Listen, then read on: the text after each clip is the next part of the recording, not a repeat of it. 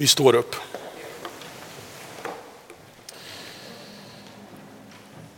Tack Gud för att himmelriket är nära. Tack för att du har sänt din son Jesus Kristus till den här världen för att komma med det oerhörda budskapet om att ditt rike är nära, tillgängligt för oss. Nu ber vi dig Gud om att du ska tala till oss den här stunden. I Jesu namn. Amen. Varsågod och sitt.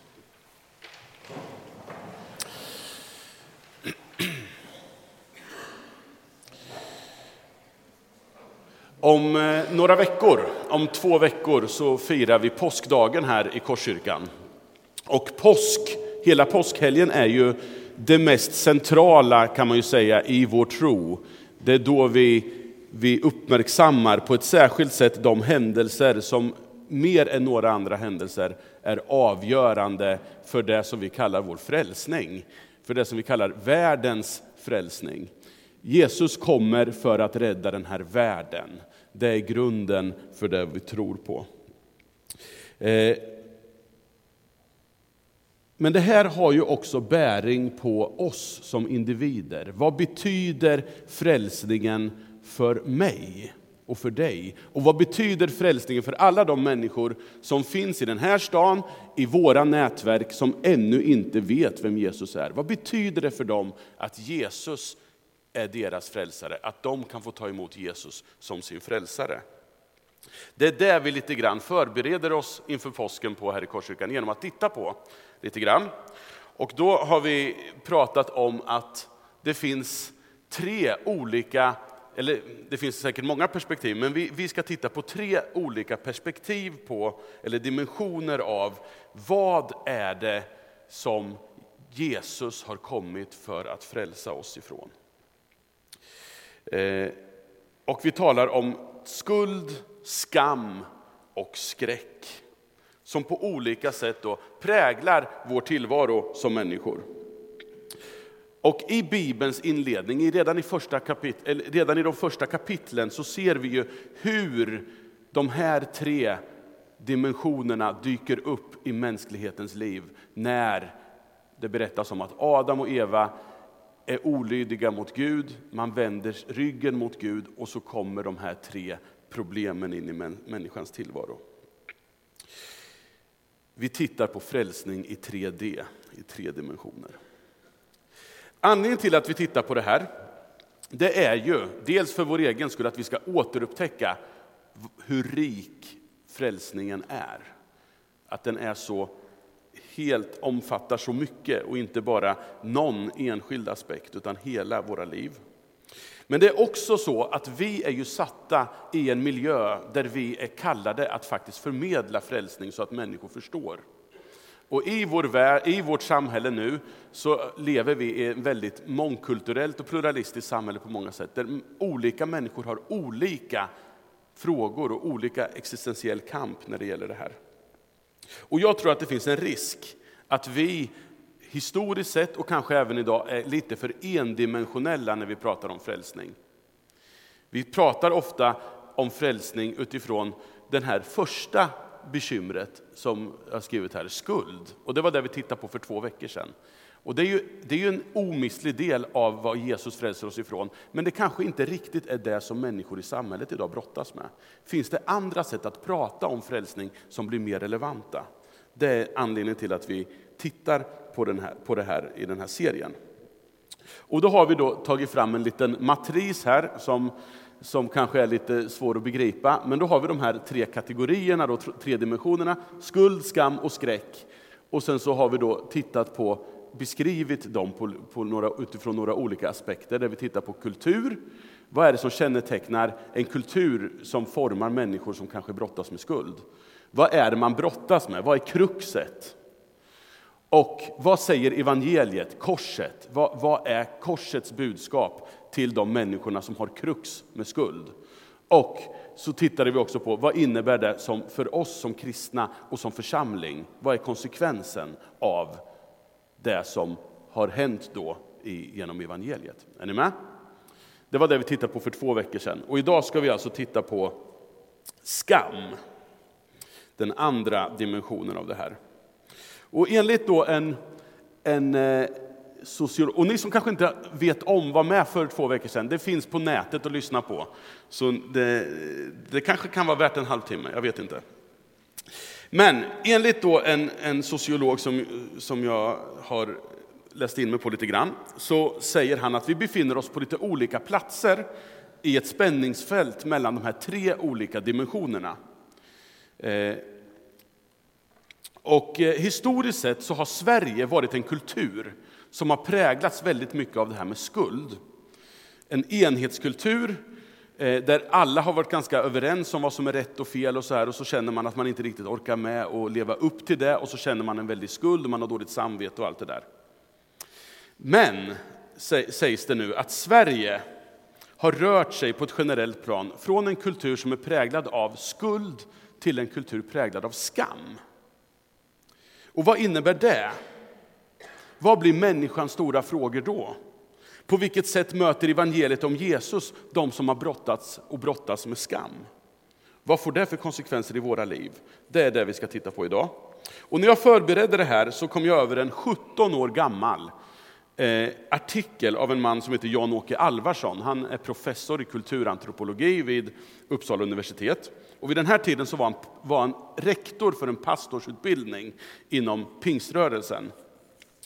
Och eh, bland de studenter som han handledde på, i Uppsala, de här vanliga svenska ungdomarna, som kanske är i min ålder nu, men som då var i studentåldern, eh, så, upp, så upplevde han att det hade skett den här förändringen från skuld till skamkultur.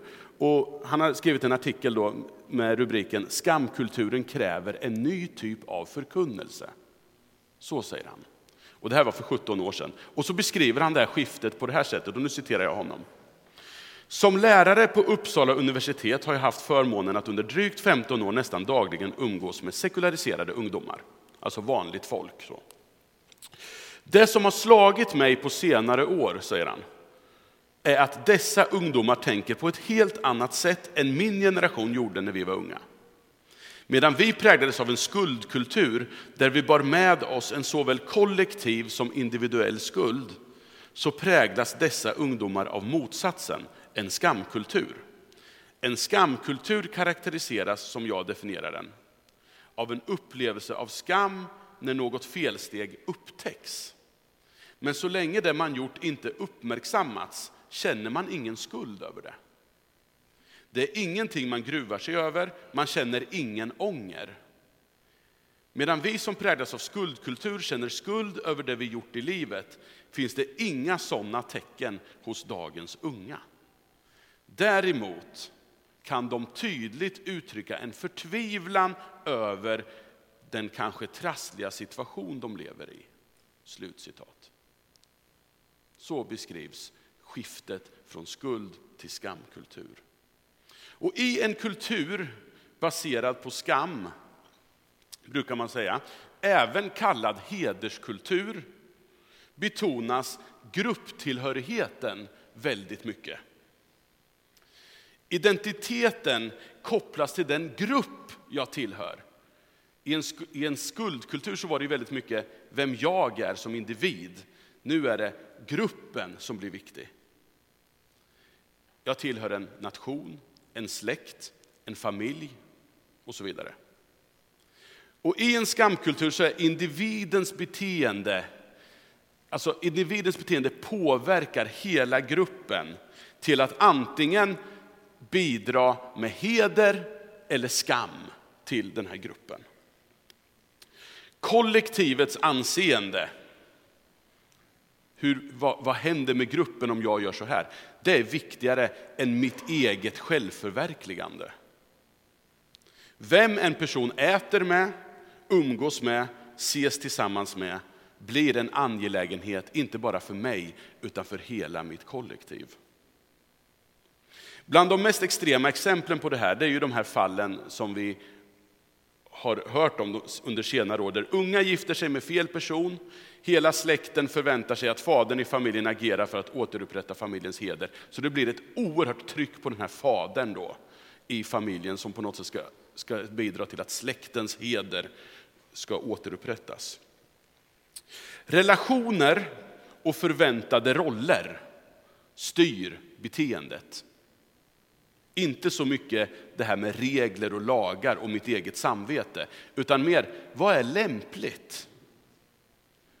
Vad ska folk säga? Det är viktigt. Inte så mycket vad som är rätt i den meningen. Skam och hederskulturer tror att, det finns, tror att det finns moraliskt rätt och fel. Men moral definieras relationellt, inte utifrån lag. Det som är bäst för relationerna är moraliskt rätt, beskriver en sociolog det här. Om någon så att säga bryter konventionen, alltså gör någonting som inte är passande, då drar det skam över hela familjen, släkten, gruppen. Och därför så hanteras det hanteras ju på det sättet att man döljer det man gör för att inte skapa skandal. Annars riskerar man att bli förskjuten från sin grupp som inte vill bli utsatt för skam. Och om jag blir förskjuten från min grupp, då är jag ingen. Och det här kännetecknar ju många väldigt starkt kollektivistiska kulturer i till exempel Mellanöstern, Afrika och Asien. Där se, liksom, det är bra att ha med det här när man möter människor och förstår att så, det, det här är ett, ett, ett tankesätt som präglar de människorna på många sätt. Kan göra. Vad är då problemet för människor som, som eh, brottas med skam? Då?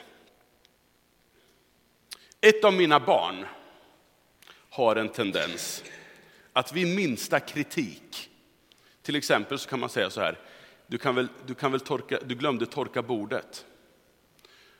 Och då händer det att det här barnet i fråga, förlåt för att jag är en sån värdelös människa, och så stänger han igen dörren och liksom, man får inte kontakt. Han upplever att, eller den, hen, upplever att det här blir, det blir problem i vår relation när, när jag har en åsikt om hur han beter sig. Det är fel på honom, inte på det han har gjort eller det han inte har gjort. Kruxet bland människor som lever med skam, det är inte känslan av att åh, jag har gjort fel. Eller jag gör fel i den här situationen, utan problemet blir att jag är fel. Känslan av att vara fel utanför blir ju en sån känsla som inga, jag kan inte göra någonting åt det, utan jag är bara utanför. Jag kan inte göra några försonande handlingar, jag kan inte göra någonting, utan jag är, jag är exkluderad, jag får inte vara med. Och många som ändå är med, de som känner sig med i liksom gruppen eller så, och har högt anseende, de kan å andra sidan brottas med att inte fullt ut kunna vara ärlig. Har fullt sjå med att hålla uppe en sorts image, en sorts heder av att ja, jag lever upp till att vara innanför. Och det här kan ju leda till att man precis som Adam och Eva gömmer sig för varandra. För att den andre inte ska se vem jag är ordentligt. För då kan jag riskera att dra skam över mig. Så kruxet kan helt enkelt vara ett enormt utanförskap för de som inte har någon grupp. En hjälplöshet i det, man kan inte själv göra någonting åt det, utan det måste vara gruppen som gör någonting så att jag får vara med igen. Eller en väldig ängslighet bland de som är betraktat, att betrakta som innanför, för att hur ska jag kunna vara ärlig? Hur kan jag kunna vara mig själv ordentligt i den här gruppen? Och då är frågan, vad har evangeliet att säga till de människorna som brottas med det här? Kanske sitter du här som brottas med de här sakerna. Och enligt Jan-Åke Alvarsson så är vi svenskar brottas mycket mer med det här nu än vad vi brottades med skuld förut.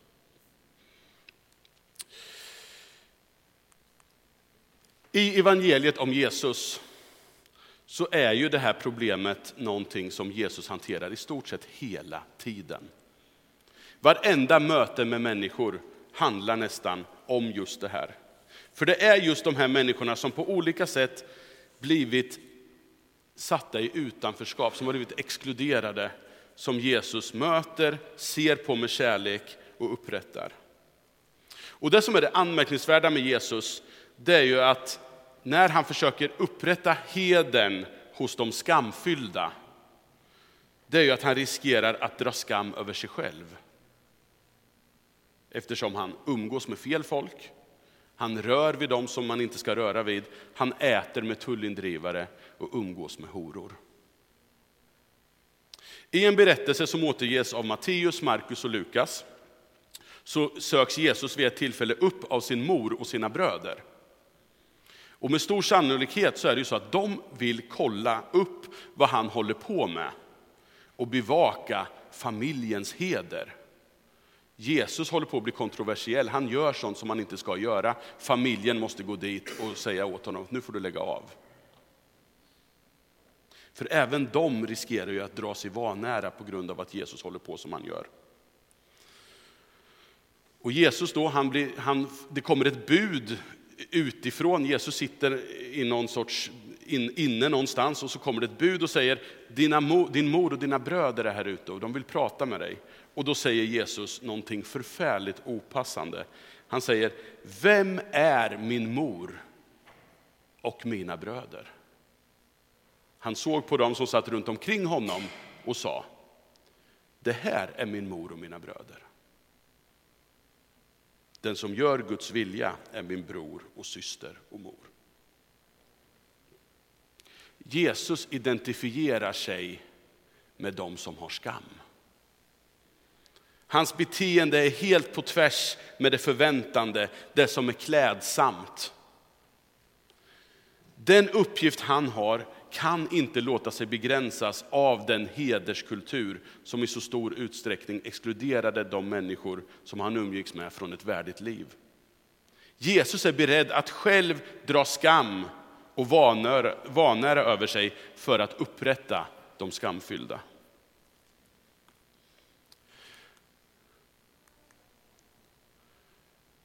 Det är ett mönster hos Jesus. En av de mest kända berättelserna om Jesus, som Jesus har gett oss, berättelsen om den förlorade sonen som Jesus berättar vid ett tillfälle, kan inte förstås ordentligt utan att vi har för ögonen att den berättas i en sån här skam hederskultur. Det första som händer i den här berättelsen som Jesus då ger, det är att den yngre av två söner ber fadern om att få ut sitt arv i förskott en fruktansvärt opassande begäran. I stil med att det är ju synd att du inte är död farsan. Nu vill jag ha mina, det som jag har rätt till. Och det som är helt ännu märkligare här, det är att fadern säger okej. Okay. Han gör så som sonen begär. Och så berättas det om att sonen han drar iväg och han festar upp allt sammans och det slutar med att han sitter ensam, vaktar svin och så avundas han grisarnas mat. Jobbig sits. Och så berättar, berättar Jesus, då kom han till besinning. Ordagrant, han kom till sig själv. Han såg vem han själv var och bestämmer sig i sin djupa skam att återvända till sin far och be om jobb som daglönare. Och så kan man ju med sin fantasi fundera på vad som händer då när han börjar knalla hemåt och sen så börjar han ju komma, komma i närheten av de trakter där han bodde, bodde för några år sedan. Alla vet vem han är. Det är ju han som drog vanor över hela sin familj. Det viskas, blickar möter honom. Men han fortsätter gå hem. Men hur kan han, som har dragit sån skam över sin far, ha mage att återvända hem? Och så kan man ju tänka att det knyter sig nog ganska mycket i magen när han kommer över det där krönet varifrån vilket man kan skymta barndomshemmet. Och så berättas det, berättar Jesus. Redan på långt håll fick fadern syn på honom. Han fylldes av medlidande och sprang emot honom och omfamnade honom och kysste honom. Sonen sa, Far, jag har syndat mot himlen och mot dig. Jag är inte längre värd att kallas din son. Men fadern sa till sina tjänare, skynda er att ta fram min finaste dräkt och klä honom i den. Sätt en ring på hans hand och skor på hans fötter och hämta gödkalven och slakta den, så ska vi äta och hålla fest. Min son var död och lever igen. Han var förlorad och är återfunnen. Och festen började. Den här fadern som vi möter här, han bryr sig inte det minsta om att tappa ansiktet. Trots att den här sonen förut har utsatt, utsatt honom för det värsta sveket, skammen och sorgen, så tvekar han inte. Och han tänker inte det minsta på sitt eget anseende när han ser honom. En aktningsvärd man i den här kulturen, har jag förstått, springer inte. Men när Gud ska rädda världen, sa en lärare till mig en gång, då skiter han i vad grannarna säger. Istället drar han igång en fest för den här skamfyllda sonens skull. Festen är ju en bild på Guds rike i Nya Testamentet. Och den här berättelsen och de val Jesus gör av umgänge hela tiden pekar på att Guds rike, det är en fest för dem som har skam. För de som upplever skam, för alla oss skamfyllda som Gud har sprungit till mötes.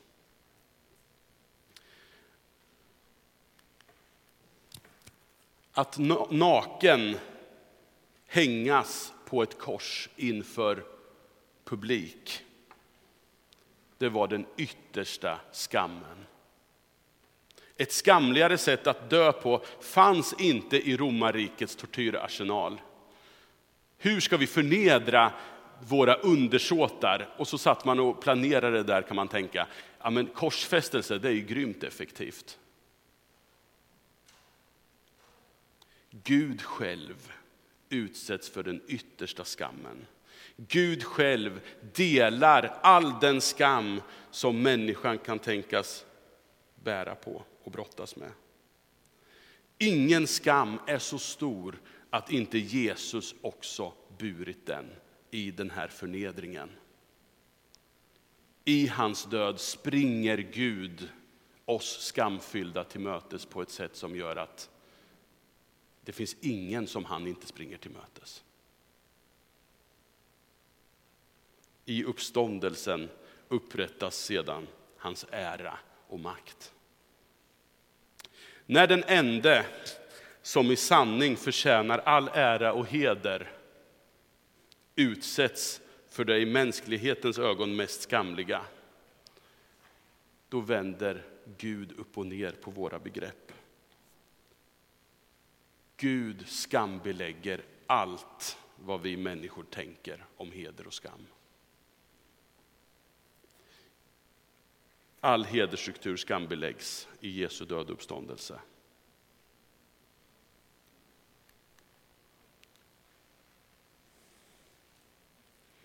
Och vad blir då konsekvensen av det? Vad innebär det för oss som har mött den här springande fadern som har tagit skam för att nå oss? Vi kan gå tillbaka till den här liknelsen om den förlorade sonen. Den äldre sonen, som i alla år har skött sig utan att vanära sin far, kommer hem från dagens slit och så hör han att det är fest. När han får veta att den svekfulle brorsan, lillbrorsan till på köpet, har kommit hem och att pappan inte har svarat med en utskällning utan med att arrangera en fest, då brister det. Och han vägrar att gå in, trots faderns vädjan att komma in och delta. Och så säger sonen så här till sin pappa, här har jag tjänat dig i alla dessa år och aldrig överträtt något av dina bud. Och mig har du aldrig gett ens en killing att fästa på med mina vänner. Men när han kommer hem, din son som har levt upp din egendom tillsammans med horor, då slaktar du gödkalven. Fadern sa till honom, mitt barn, du är alltid hos mig och allt mitt är ju ditt. Men nu måste vi hålla fest och vara glada, för din bror var ju död och lever igen. Han var förlorad och är återfunnen. Slutet på den här berättelsen hänger i luften. Det framgår inte om den här äldre sonen gick in eller inte. Och det är just det som är frågan också till oss. Kan vi stå ut med en Gud som är så inkluderande att han omfamnar en sån där människa som den yngre sonen? De mest skamliga. Kan vi stå ut med det? Eller föredrar vi då att ställa oss utanför festen? Vi är kallade att precis som Jesus och Fadern i liknelsen vara oanständigt inkluderande. Den här fadern han gör någonting oanständigt som får grannarna att tycka att han är inte klok. Men han gör det därför att han älskar sin son. Är vi sådana? Människans anseende behöver inte längre bygga på vår ängsligt uppumpade image.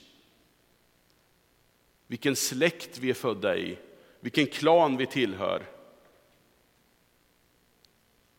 Utan på den tillhörighet till Guds folk som vi av nåd har erbjudits. Vi kallas att inte längre definiera vår identitet eller tillhörighet till grupper som möjligtvis ger heder och anseende i världslig mening som familj, nation, yrkeskategori och sånt. Utan till något så skamfullt som en korsfäst Gud och den här korsfäste Gudens folk. Och på vägen dit, för att komma till den guden som hänger på korset, då har vi inget annat val än att lägga av oss allt det som vi har anseende och heder i, i mänsklig mening. Paulus och Petrus skriver i Nya Testamentet när de skissar på vad innebär det att, att Jesus har dött och uppstått. Nu är ingen längre jude eller grek, slav eller fri, man eller kvinna. Allt det där som ni tyckte var så viktigt förut. Alla är ni ett i Kristus Jesus. Petrus, han skriver till, till ett gäng hedningar i nuvarande Turkiet. Ni som förut inte var ett folk är nu Guds folk. Ni får vara med nu. Ni som inte fann barmhärtighet har nu funnit barmhärtighet.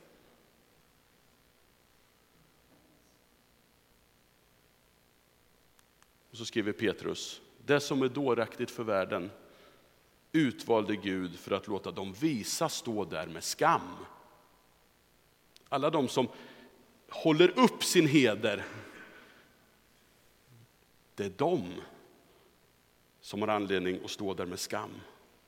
Det som är svagt i världen utvalde Gud för att låta det starka stå där med skam.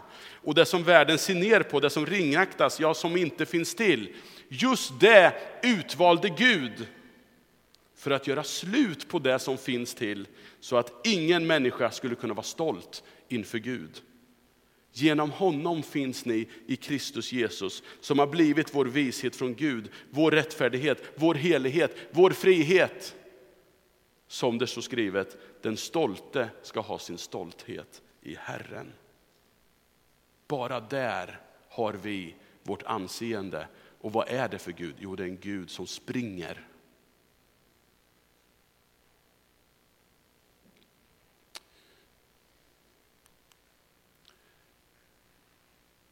vi fullbordar raden där. Märks det att det här är en gemenskap där skam har lyfts bort? Det är ju det som är frågan idag. Eller är det så att vi putsar på våra fina ytor för att bevara vårt anseende baserat på sådana här saker som karriär, och familj och släkt och annat? I så fall behöver vi ta till oss den här dimensionen på vad Jesus har frälst oss ifrån. Andreas Nielsen, pastor i Hillsong Stockholm, han skrev en tidningskrönika förra veckan följande, och det här får avsluta predikan idag. Gud har aldrig tänkt att vi ska leva liv fyllda av skam. Inte ens när vi gör fel behöver vi känna skam. Vårt samvete kan hjälpa oss att vända om och göra rätt när vi gör fel. Men Gud använder aldrig skam. Det är något vi tar på oss själva på samma sätt som Adam och Eva gjorde. Tänk om vi skulle starta en revolution där vi vägrar acceptera skam. Där vi slutar gömma oss, slutar sminka över vår otillräcklighet i rädsla för vad andra ska tycka och tänka. Den här våren tar vi inte bara av oss våra tunga vinterjackor och låter oss bli värmda av solen. Vi klär även av oss skammen och låter oss bli accepterade av Sonen. Vi ber. Tack Gud för att du har sprungit oss till mötes. Du har gjort dig till åtlöje. Du har gått hela vägen för att möta oss där vi är. Och tack för att vi inte behöver göra oss till inför dig. Tack för det. Tack för att vi får tillhöra dig. Vi får ha en tillhörighet till dig av nåd. Och vi ber om att just det skulle också känneteckna vår församling och våra liv. Att vi ska kunna få vara en sårbar, ärlig och uppriktig gemenskap. Fräls oss från upphållna masker och fina fasader och välputsade ytor. Tack för att du har tagit all vår skam och vi kan få ha vår stolthet enbart i dig, du som lät dig bli korsfäst för vår skull. Tack för din uppståndelse som visar att det är, den, det är den vägen, det är ditt rike som kommer att gå segrande ur alla den här världens strider. I Jesu namn. Amen.